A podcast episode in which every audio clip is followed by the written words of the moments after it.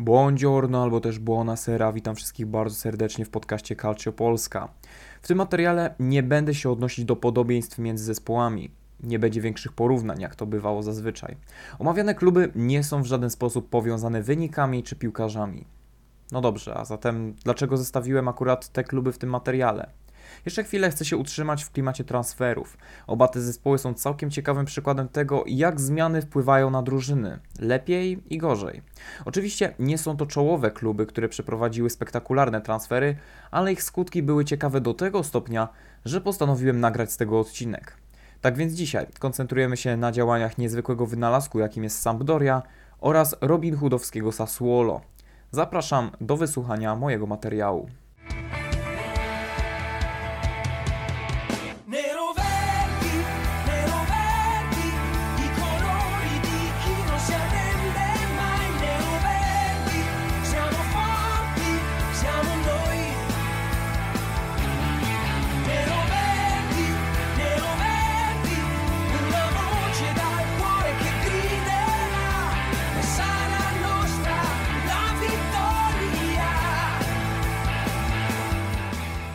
Tak, tak właśnie zapamiętaliśmy Sassuolo.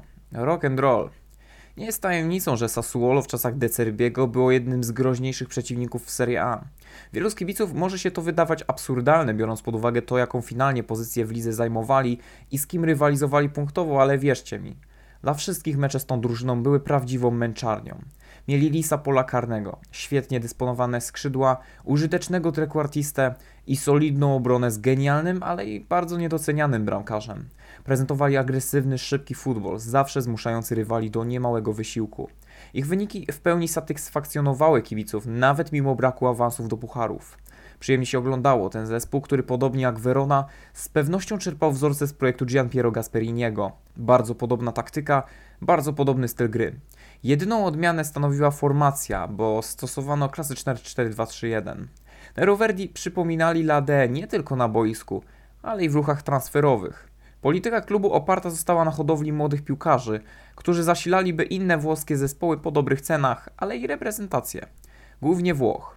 Sassuolo stało się farmą włoskich talentów, przynoszącą całkiem niezłe zyski. To właśnie z tego klubu wypłynęli świetni ligowcy jak Lorenzo Pellegrini, Matteo Politano, Stefano Sensi czy nawet Manuel Locatelli.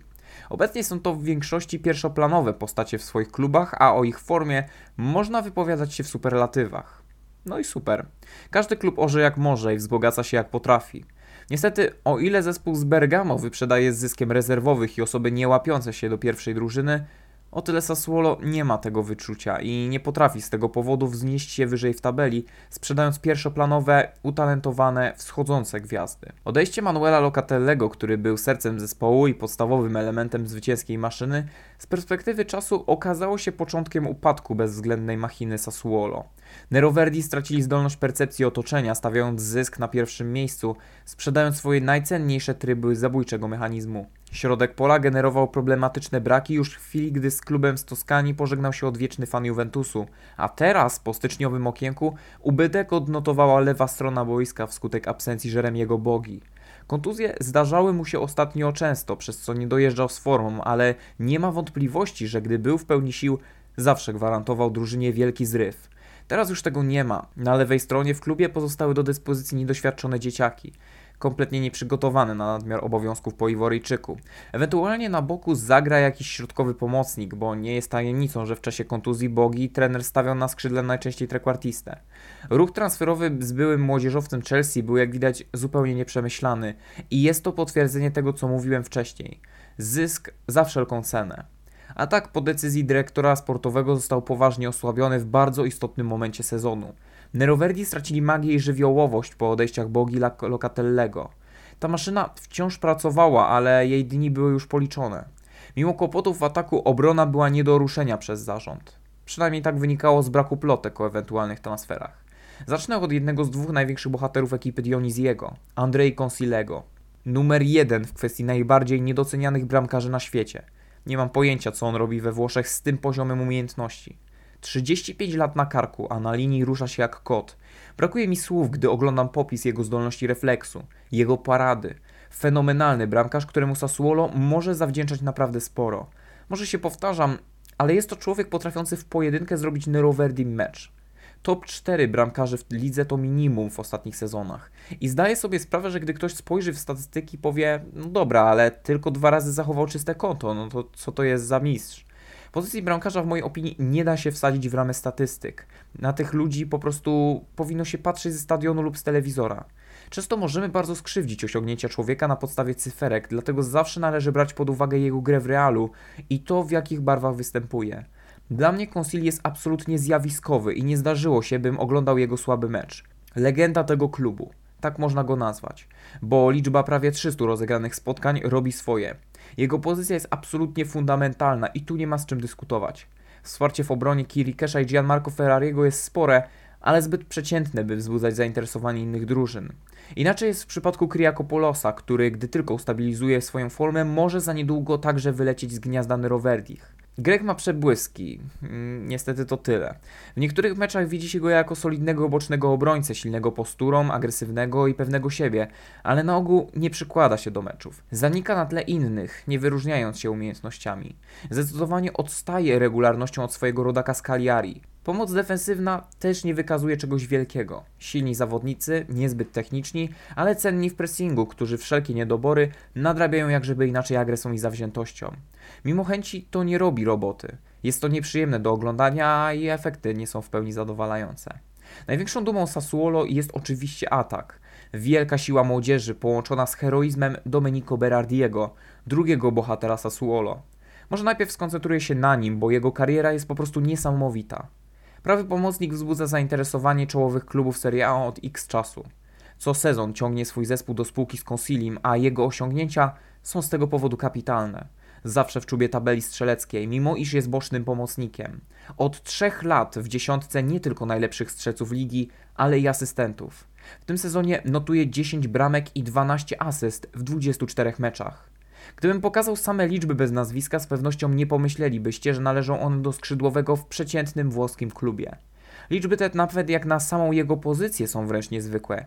Jego licznik goli jest wyższy od większości napastników Serie A. Dość powiedzieć, że jest piąty w klasyfikacji strzeleckiej.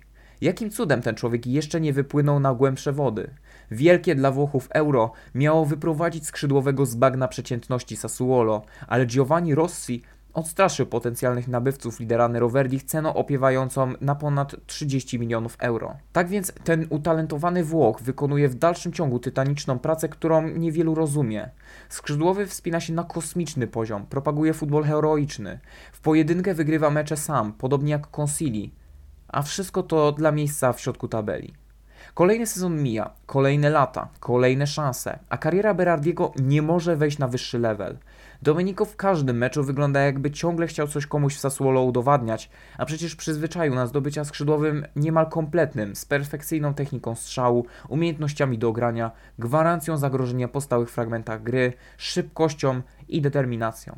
Co jeszcze mógłby zrobić? Dla kibiców? Nic. Dla siebie? Przejść do lepszego klubu, gdzie ma szansę na trofea. W tym roku stuknie mu 28 lat. Fala wznosząca naturalnie za niedługo zniknie i trzeba korzystać z okazji na upiększenie kariery. No bo co będzie? Jeszcze trochę męczarni we Włoszech, a potem złoto MLS-u? Kolejny talent na zmarnowanie z powodu hajsu? Nie mogę się z tym pogodzić. Nie mogę się też pogodzić z zerowym wyciąganiem wniosków przez Giovanniego Rossiego, który najpewniej latem znów rozkręci na części pierwsze atak Neroverdich, zostawiając go z niczym bądź ze znacznymi stratami. Skamacka i Raspadori to póki co najgorętsze nazwiska młodych włoskich piłkarzy, których przyszłość będzie się ważyła latem. Zacznijmy od Skamakki. Prawdziwe objawienie po epizodzie w Genui. 9 bramek w 23 meczach to wynik oczywiście gorszy od Berardiego, ale i tak całkiem niezły na tle tego, co prezentował w drużynie Gryfów. Nieoszlifowany diament to najlepsze podsumowanie tego gracza.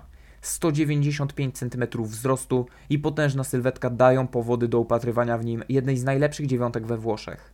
Na drodze ku temu nie stoi absolutnie nic, poza pieniędzmi. Nie wiadomo ile za niego krzyknie Sassuolo, ale wiemy, że Inter jest najbardziej chętny na tego zawodnika, podobnie jak na jego wspomnianego kumpla. Roszady w ataku Interu będą bardzo potrzebne. Correa póki co kompletnie nie spełnia pokładanych w nikim na oczekiwań, a Dzeko... No, to nie jest przyszłość. Skamakka byłby wręcz idealnym partnerem dla Lautaro, a wizja tak młodego i dynamicznego duetu w ataku jest zatrważająca dla reszty klubów Serie A. Marotta udowodnił, że niemożliwe nie istnieje, więc przejście Gianluki do Mediolanu jest bardzo prawdopodobne. Sądzę, że tam zrobiliby z niego napastnika z krwi i kości, bezwzględnego, regularnego i skutecznego. Były Gryfon daje ku temu powody. Jeśli chcecie zobaczyć, co ten chłopak w sobie kryje, to polecam obejrzeć jego golaco w meczu z Milanem, kiedy prawie rozerwał siatkę, trafiając dokładnie w samo okno bramki Menion. Stadiony świata. Tak kolorowo nie jest już z Giacomo Raspadorim. Talent tego piłkarza jest niepodważalny, a jednym z jego największych atutów jest dobra gra zarówno jako środkowy napastnik, ale też jako trekwartista. Świetny asystent i niezwykle techniczny napastnik. Fenomenalne strzały z pola karnego, ale i imponująca szybkość i zdolność pressingu mimo słabych warunków fizycznych. Raspadoriego także przymierzono do Nerazzurich, ale tu konkurencja jest spora. Pozycja pomocnika? Trójka pomocników Hakan, Brozo, Barella wygląda na nie do ruszenia. Ewentualnie po odejściach Sensiego i Gajardiniego na ławce zrobiłoby się trochę miejsca, ale gracz tak utalentowany nie może przesiedzieć sezonu w tym wieku na ławce. Napad? W przypadku współpracy z Kamaki Lautaro jest już obsadzony. Ławka rezerwowych też biorąc pod uwagę świetną dyspozycję Sancheza. Znów jako rezerwowy? Trochę kiepska wizja. Raspadori będzie mieć póki co ciężką drogę do odnalezienia miejsca w czołowych klubach Serie A i dla dobra jego kariery zalecałbym mu pozostanie w Sassuolo jeszcze przez jakiś czas. Przynajmniej do momentu, gdy nie zwolni się jakieś miejsce, np. w Atalancie, która nie wiadomo jak długo pociągnie jeszcze sagę z Josipem Ilicicem. Duet ofensywnych pomocników Malinowski-Raspadori byłby piekielnie groźny i mógłby siać spustoszenie w szeregach obron rywali. Są to piłkarze bardzo zbliżeni do siebie pod kątem umiejętności i wspólnie byliby symbolem destrukcji w Serie A. Wątpię jednak, że Atalanta na niego postawi. Póki co rozbiła bank inwestując w Bogę, a dobrze wiemy, że ten klub to nie szejkowska abominacja sypiąca hajsem na każdego, kto zagra kilka dobrych meczy. Tak czy siak, strata choćby jednego członu z tercetu Berdardi, Raspadori, Skamaka może być nie do uniesienia w skutkach. Już na początku miesiąca Sassuolo radziło sobie dość słabo, ponosząc dotkliwe porażki w lidze i w pucharze. W Coppa Italia ok, nie było najgorzej, no bo raz Juventus to wciąż bardzo silny przeciwnik dla średniaka, a dwa był to bardzo wyrównany mecz. Mimo wszystko utrata korzystnego wyniku w samej końcówce po pierwszej poważniejszej przerwie w koncentracji w tamtym spotkaniu była do bólu frustrująca. Jeszcze bardziej w kibiców Neroverdich uderzyło starcie z Sampdorią w lidze, bo to co się tam wyprawiało woła o pomstę do nieba. Zespół Dioniziego był tamtego dnia pozbawiony wszystkiego. Jakby wpadł w jakiś kryzys egzystencjalny. Piłkarze snuli się po boisku, nic im nie wychodziło, wyraźnie nie mieli motywacji. Nie mieli planu na zaskoczenie rywali. Gorsze mecze się oczywiście zdarzają, a w przypadku zespołu ze środka tabeli nie miałoby to znaczenia, gdyby raz zaprezentowali się gorzej, ale wybitna dyspozycja Sampdori no po prostu doprowadziła do załamania rąk przez fanów Neroverdich. To, że bramki w tych meczach strzelali paralitycy jak Conti czy Sensi to jedno, ale bolał gol Ciccio Caputo. Kolejny niewymuszony transfer, który odbył się dodatkowo w bardzo kiepskiej atmosferze. Strzelec wyborowy Sassuolo przeżywał świetny czas w klubie z Toskanii i pewnie trwałby jeszcze długo, gdyby nie fatalna kontuzja. Jego klub niezbyt wsparł go w powrocie do formy, gdyż po nieudanej drugiej części sezonu, gdy napastnik starał się zawalczyć o regularne występy, zarząd podjął decyzję o jego transferze do Genui. Ruch, który odbił im się czkawką właśnie w tym spotkaniu, kiedy Caputo w piękny sposób otworzył wynik dla Sampy. Strzał w kolano dla Neroverdi, gdyż zupełnie niepotrzebnie odpuścili napastnika, który mimo reprezentowania barw przeciętnej w tabeli drużyny zawsze zajmował wysokie pozycje w klasyfikacji strzeleckiej. Warto jeszcze wspomnieć, że Sassuolo wielkich pieniędzy na swoim liderze nie zarobiło, co tylko pokazuje jak niezrozumiałe momentami decyzje podejmowali działacze tego klubu. Z tragiczny formą mecz z Sampą mógł być zwiastunem srogich porażek z czołówką tabeli w drugiej części miesiąca. Na tapecie graczy z Mapei Stadium mieli Rome, Inter i Fiorentinę, a więc ich stabilna pozycja w centrum tabeli wisiała na włosku. Kolejne mecze utwierdziły nas jednak w przekonaniu, że ekipa Sassuolo na przestrzeni ostatnich lat to drużyna, która potrafi przegrać z każdym, ale i wygrać z każdym. Trzy mecze, które miały wykończyć Sassuolo, stały się obrazami wspaniałych dyspozycji. Początek nie był wybitny, bo mecz z Romą przyniósł tylko remis, w czym wielka zasługa Hamada Traoré, kolejnej barwnej postaci w drużynie Sassuolo, będącej w przyszłości najpewniej kolejnym wielkim talentem. Iworyjczyk w ostatnim czasie staje się kluczową osobą w konstrukcji ataków środkiem boiska. Na pozycji trekwartisty spisuje się genialnie, a mecz z wręcz mimiczną Romą tylko to potwierdził. Bardzo wyrównane spotkanie, które gospodarze mieli szansę wygrać, gdyby nieszczęście w nieszczęściu po stronie Rzymian. Biorąc pod uwagę ten średni rezultat, można było się spodziewać męki z wiceliderem tydzień później. Starcie z wykończonym fizycznie i psychicznie Interem można uznać jednak za wspomnianą wcześniej pomstę za mecz z Sampdorią. Wybitna dyspozycja środka pola Nero Verdich, który znów przywrócił do życia ich ikoniczny pressing, zmuszając Inter do rozpaczliwych zagrań. Zwycięstwo na Stadio Meazza to przede wszystkim zasługa Maxime Lopeza, grającego w tamtym spotkaniu chyba swój najlepszy mecz od czasu przybycia na Mapei Stadium. Ten mierzący 167 cm wzrostu mizerny posturą Francuz był absolutnym postrachem atakujących Nerra Zurich. Błyskawicznie odbierał piłki i inteligentnie rozgrywał je w ataku. Były gracz Marsylii był fundamentem zwycięstwa Sassuolo, a swoje cegiełki dołożyli Raspadori, Scamacca i Berardi. Wszystkie te czynniki przy mizernej grze środka pola Interu i jeszcze gorszej dyspozycji atakujących doprowadziły do kolejnego wielkiego dnia dla bukmacherów i awansu Sassuolo w tabeli. Do fenomenalnego zwieńczenia piekielnie trudnego lutego była potrzebna wygrana z Fiorentiną, będąca na fali wznoszącej. Na murawie w Toskanii zawalczyły ze sobą dwie młode, ambitne drużyny prowadzone przez w miarę młodych, aspirujących szkoleniowców z nowoczesnym spojrzeniem na futbol. Nikt spoza świata calcio z pewnością nie spodziewał się tak interesującego starcia drużyn z szóstej i dziesiątej pozycji w tabeli. Przedstawienie stało na najwyższym poziomie, w czym zasługa niezwykłej dynamiki, zawziętości i szybkości. Spotkanie to było prawdziwym rarytasem dla wszystkich skautów chcących podziwiać talenty z Półwyspu Apenińskiego w akcji. W oko mógł się rzucać szczególnie jeden. Hamad Traoré. Znów on. Znowu dał drużynie prowadzenie. Znowu zachwycił kibiców. Znowu nadał Sassuolo magię. Dyrektorzy sportowi czołowych klubów, uważajcie, bo ten chłopak za niedługo w odpowiednim środowisku może stać się zjawiskowy.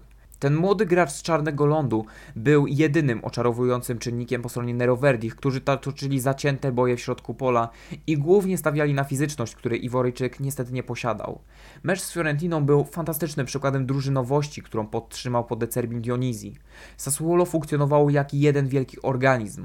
Każdy dawał z siebie wszystko i perfekcyjnie wypełniał luki w ustawieniu. Choć zdarzył się moment załamania, kiedy Artur Cabral zdobył bramkę, to niezastąpiony Berardi do spółki z Defrelem w ostatnich minutach meczu utrzymali korzystny rezultat, strzelając drugą bramkę.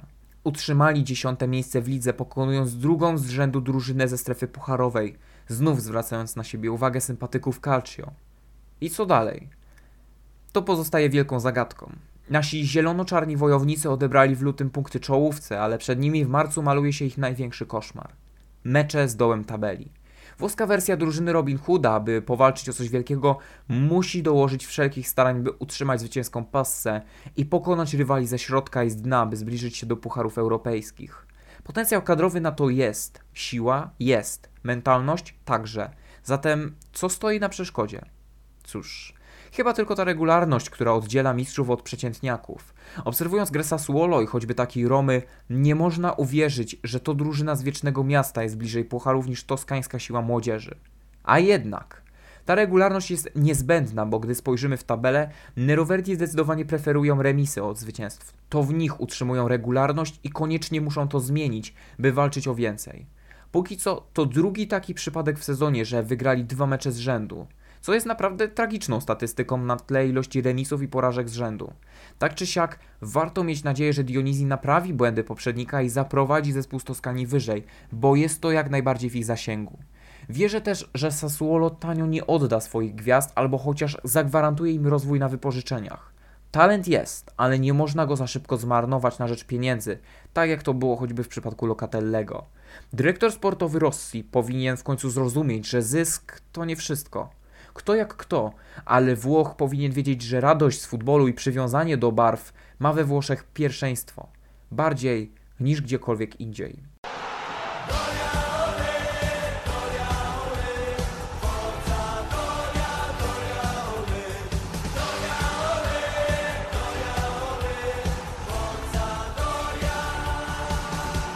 Co wyjdzie z połączenia zmarnowanych potencjałów, szczypty odrzucenia i garści upokorzenia?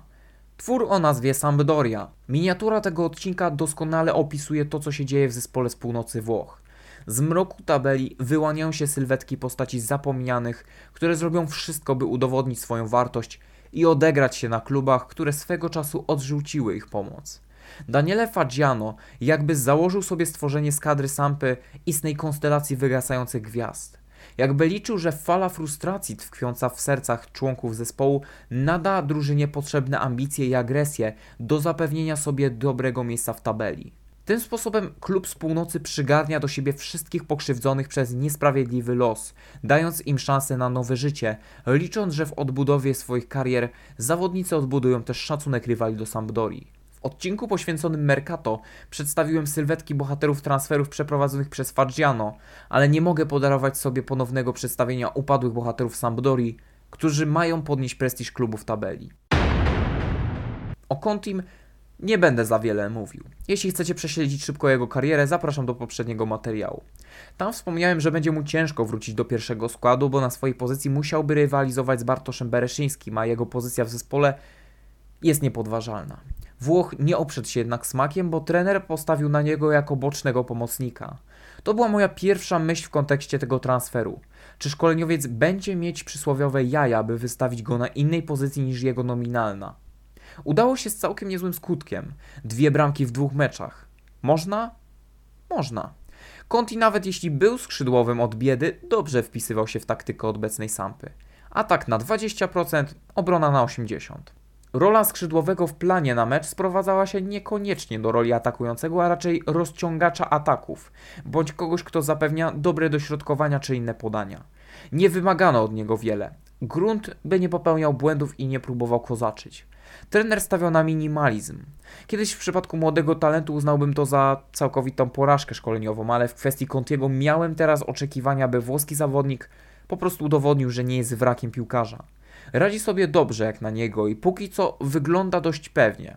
W jego poczynaniach widać, że chce coś udowodnić. Nawet jeśli jego gra choćby w procencie nie przywołuje wspomnień za talenty, trzeba doceniać, że stara się jak może wspierając swój zespół, nawet zdobywając bramkę. No ale niesmak na przestrzeni lat pozostaje. Środek pola zaczynamy oczywiście od Sensiego. Czuć, że Włoch chce powrócić za wszelką cenę. Podobnie jak Conti w pierwszym meczu ligowym w barwach Sampdori, Sensi zdobył je ładną bramkę, wskrzeszając frazę czy wielki Sensi powraca? No, na razie się nie zapowiada. Chłopak walczy fizycznie, stara się trzymać przy piłce za wszelką cenę, ale znów nic poza tym. Nie daje po sobie poznać umiejętności technicznych, przeglądu pola, technicznych strzałów z pola karnego. Chłopak nie ma miejsca na boisku, by błysnąć. Taktyka trenera, która bazuje na pragmatyzmie i braku ryzyka, średnio działa w przypadku Sensiego. Były gracz Interu nie może być częścią kolektywu. On musi rozgrywać i wyróżniać się z tłumu. Niestety nie zapowiada się, by coś się zmieniło. Pomocnik będzie musiał przeboleć ten okres kariery i zwyczajnie udowodnić, że jego podatność na kontuzję uległa zmniejszeniu. Tylko wtedy będzie mógł powrócić do Interu i zakończyć ten nieprzyjemny etap w życiu. Miejmy nadzieję, że zwyczajnie nie cofnie się w rozwoju. Faggiano sprawił sobie super narzędzie, ale nie za bardzo wie jak go używać. Chyba nawet nie jest mu też do końca potrzebne. Tu w tym wszystkim chodzi jednak o Sensiego. To on potrzebuje przebudzenia, regularnych występów oraz liczb. Tak będzie mógł zapewnić sobie staż w Interze. Zagwozdką pozostaje oczywiście jedynie poziom, z którym przybędzie na Meazza. Gra fizyczna nie pasuje do Stefano i oby w dostosowywaniu się do stylu gry pomocników Gianpaolo nie zatracił tego, co da mu szansę gry w Interze. Toma Rincon jest z pewnością przeciwieństwem Sensiego. Jemu pobyt na stadio Luigi Ferrari bardzo dobrze służy. W Torino prezentował równą formę, będąc naturalnym wzmocnieniem składu, ale przybycie Juricza i chęć zaprezentowania futbolu o wyższej klasie naturalnie zamknęła Rinconowi drzwi do pierwszego składu. Nie jest zatem dziwne, że styl, w jakim miała grać Sampa pod wodzą nowego szkoleniowca, mógł urzekać pomocnika. Siła, prostota, brak wymagań, zaufanie. Rincon idealnie pasował do nowego partnera w postaci Mortena Torsbiego, z którym mógłby dosłownie wymiatać środek pola, koncentrując się jedynie na tym, by uprzykrzać rywalom życie, nie dopuszczając ich pod własne pole karne. Wenezuelczyk skutecznie murował środek pola, a gra przeciwko niemu była i jest prawdziwą mordęgą. Cieszy mnie jego użycie w Serie A, bo nie ukrywam, że zawsze na ogół byłem fanem boiskowych bad boyów, których zadaniem było wyłuskiwanie piłek spod nóg rywali. Rincon w Torino był pod tym kątem bardzo niedoceniany, a pobyt w Wenecji może pomóc w ustabilizowaniu jego kariery. Widać, że trener mu ufa i stawia na niego jak star... Widać, że trener mu ufa i stawia na niego jako startera, a zatem spełnia wymagania byłego gracza Torino, którego podrażniona duma i chęć udowodnienia swojej wartości mogą okazać się zabójczą mieszanką dla rywali Sampdori. Nikt nie przypuszczał, że w Europie zobaczymy jeszcze Sebastiana Giovinco. Czy ktoś o nim w ogóle pamięta? Czy ktoś pamięta tą miniaturową chudzinkę, która swego czasu w Juventusie robiła furorę? Wychowanek starej damy szybko podbił serca fanów Calcio swoją szybkością i techniką strzału. Stał się przykładem tego, że nawet będąc skazanym na porażkę w starciach z rywalami przez swoją fizyczność, można osiągać sukcesy i zdobyć szacunek doskonałym przygotowaniem technicznym. Ten piłkarz bardzo szybko stał się uśmiechem Turynu, wygrywając tą drużyną wiele trofeów, ale dość szybko zdecydował się na emeryturę. W wieku zaledwie 28 lat wyjechał do Kanady, reprezentując barwy Toronto FC, by potem zaliczyć epizodzik w arabskim Hilal. MLS-ie notował dobry czas, strzelając ponad 70 goli w 114 meczach, ale jego wyprawa na Półwysep Arabski była już całkowitym niepowodzeniem. Ten w zasadzie skazany na zapomnienie 35-latek zaskakująco powrócił do drużyny Sampdori zimą z powodu urazu Manolo Gabbiadiniego, wykluczając go do końca sezonu. Włoski napastnik powraca na stadio Luigi Ferrari chyba tylko by spiąć klamrą swoją karierę, kończąc ją narodowej apenińskiej ziemi. Powrót do Włoch, podobnie jak w przypadku Luisa Naniego, stoi pod wielkim znakiem zapytania, głównie z powodu jeszcze słabszych warunków fizycznych, spowodowanych wiekiem, ale też ryzyka nieporadzenia sobie z różnicą klas. Giovinco prezentuje się na razie jako klasyczna zapchaj dziura. Kompletnie nie pasuje do fizycznej prostej gry Sampy. Tym bardziej na pozycji wysuniętego napastnika, który musiałby w dużej mierze stwarzać zagrożenie głową. Najbardziej odpowiednia pozycja dla Giovinco to gra w parze przykładowo z Caputo albo za plecami napastnika jako typowy trekwartista lub jeden z dwóch pomocników ofensywnych.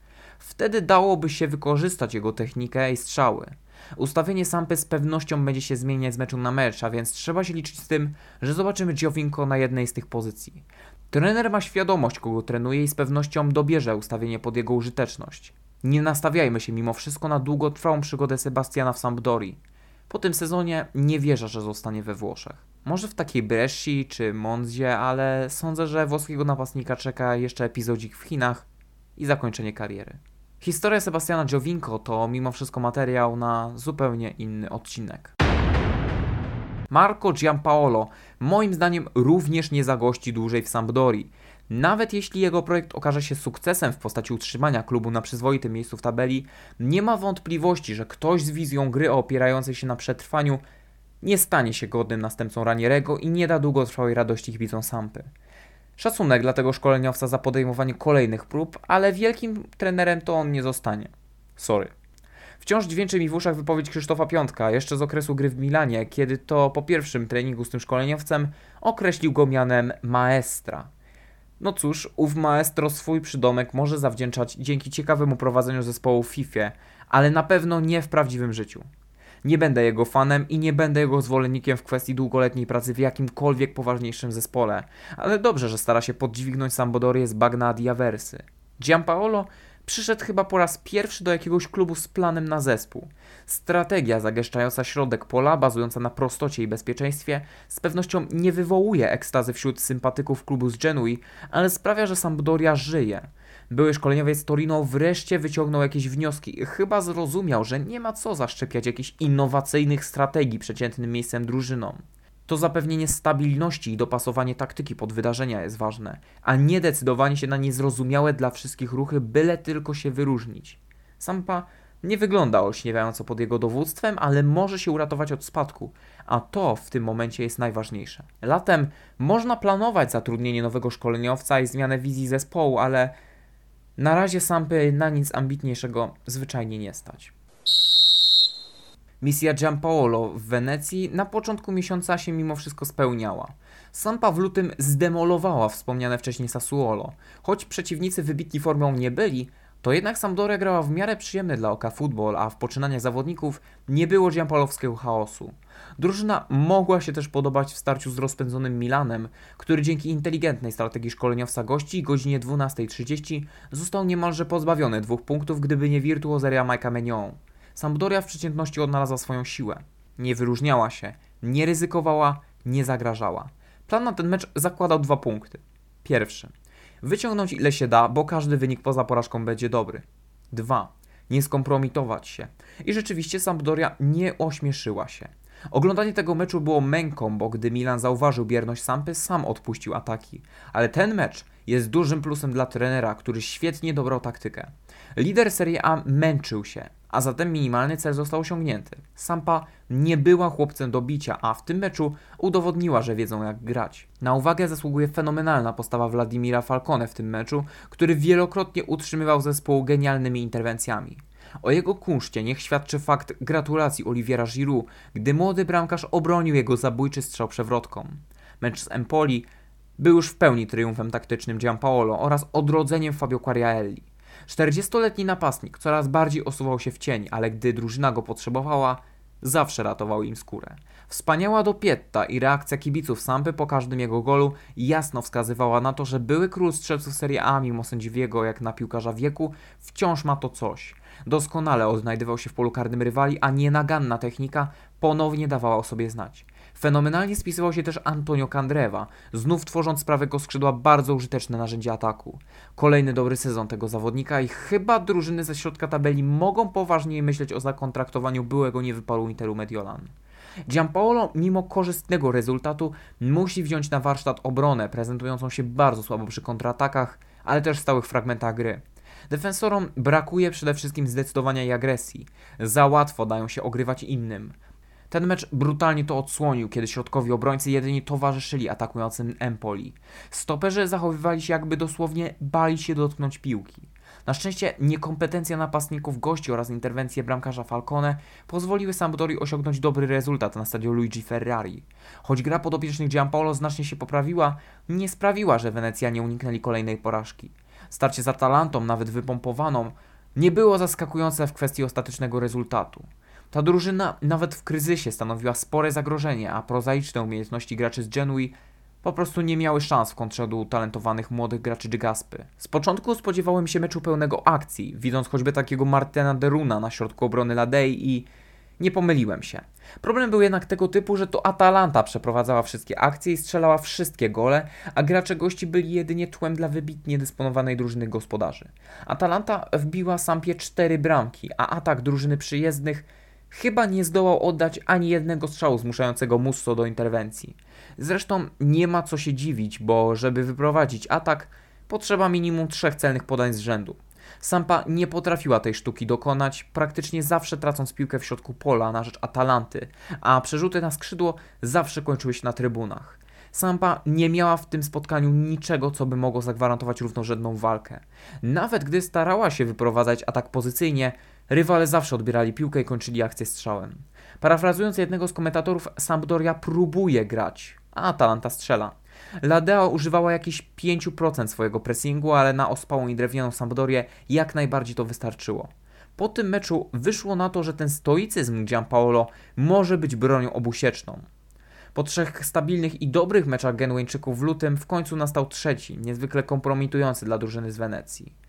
No ale cóż, kto w lidze nie zebrał oklepów Bergamo, niech pierwszy rzuci kamieniem. Tak czy siak, choć Giampaolo poprawił widok gry swojej drużyny, to niespecjalnie podniósł ich na tabeli. Fakt. Jest w tej drużynie od ponad miesiąca, lecz sytuacja robi się z meczu na mecz coraz bardziej nieciekawa, a każda porażka będzie boleć dwa razy mocniej. Jak na razie Sampa ma tylko 4 punkty przewagi nad strefą spadkową, a Wenecja zbliżająca się do utrzymania ma jeden mecz w plecy. Z pewnością marzec nie będzie rozstrzygający dla podopiecznych Gianpaolo, ale myślę, że są na dobrej drodze do utrzymania. Oczywiście będą przegrywać z zespołami stopu, bo poziom gry to niebo a ziemia, ale z pewnością swoim spokojem, planem gry i indywidualnościami mogą się utrzymać w lidze, co jest najważniejsze. Tak jak mówiłem wcześniej, ten projekt to projekt krótkoterminowy i latem można się spodziewać sporych zmian. Na razie jednak trzeba się skoncentrować na utrzymaniu.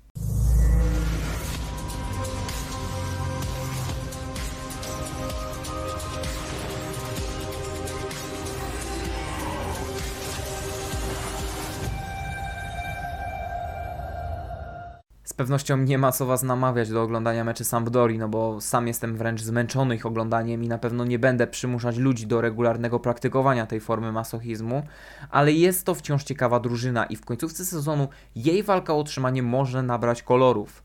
Także jeśli teraz się wstrzymujecie, to spoko, ale na końcu sezonu warto będzie przysiąść i przyglądać się ich sytuacji. Z Sassuolo sprawa jest już inna. To ogromna przyjemność oglądać tę drużynę I tu jak najbardziej zachęcam do śledzenia ich poczynań. To bardzo atrakcyjny zespół dla współczesnego kibica. Gra jest szybka, są fantastyczne interwencje, są sztuczki, człowiek się nie nudzi, no i ma się gwarancję bramek. Jeśli ktoś lubi sobie pooglądać mecze w celu poszukiwania przyszłych wielkich talentów, to zapraszam na mapę i Stadium. Tam jest istna hodowla przyszłych gwiazd ligi. Oczywiście to już nie jest to samo co za Decerbiego, bo klasycznie kiedyś to było, a teraz nie ma, szczególnie gdy odchodzi wybitny szkoleniowiec wraz z tamtejszymi gwiazdami, ale hej, idzie nowe. Tworzy się nowa drużyna z nowymi twarzami i nową energią. Sassuolo nadal ogląda się z przyjemnością, a nawet jak przegrywają można się uśmiechnąć. Z pewnością w historii ligi zapiszą się jako jedna z bardziej wyjątkowych drużyn. Do świetności brakuje im już tylko powrotu do pucharów europejskich. Tymczasem ja się z Wami żegnam. Bardzo Wam dziękuję za wysłuchanie tego materiału. Mam nadzieję, że odcinek Wam się podobał. E, Jeżeli tak, no to zachęcam do kliknięcia w dzwoneczek, żeby nie przegapić kolejnych treści, kolejnych informacji ze świata Calcio. Materiały ukazują się co miesiąc i są o e, różnych drużynach. E, Również zachęcam do zostawienia opinii i o swojej oceny. Jest to dla mnie bardzo ważne w kwestii kreowania kolejnych materiałów, no i no, rozszerzania e, materiałów Calcio Polska na, można powiedzieć, skalę ogólnopolską. Dziękuję Wam bardzo, życzę Wam miłego dnia. Arrivederci.